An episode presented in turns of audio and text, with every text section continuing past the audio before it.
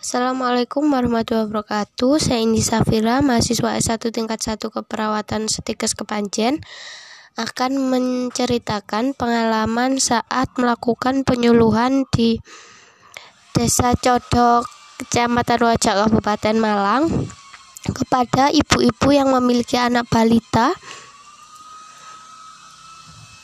dengan tema gizi seimbang anak sehat Indonesia kuat kami melakukan penyuluhan kesehatan kepada tiga rumah atau kepada tiga ibu-ibu yang memiliki anak balita.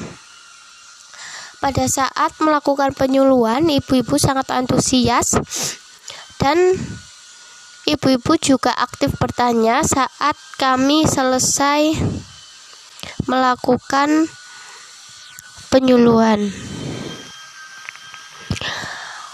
Saat ibu-ibu bertanya, pertanyaan ibu-ibu yang banyak yaitu tentang gizi seimbang itu seperti apa dan camilan yang sehat untuk anak atau juga makanan sehat di sekitaran rumah yang bisa diolah untuk menunjang gizi anak.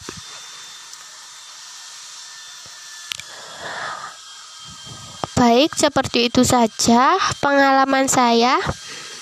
Sekian dari saya. Wassalamualaikum warahmatullahi wabarakatuh.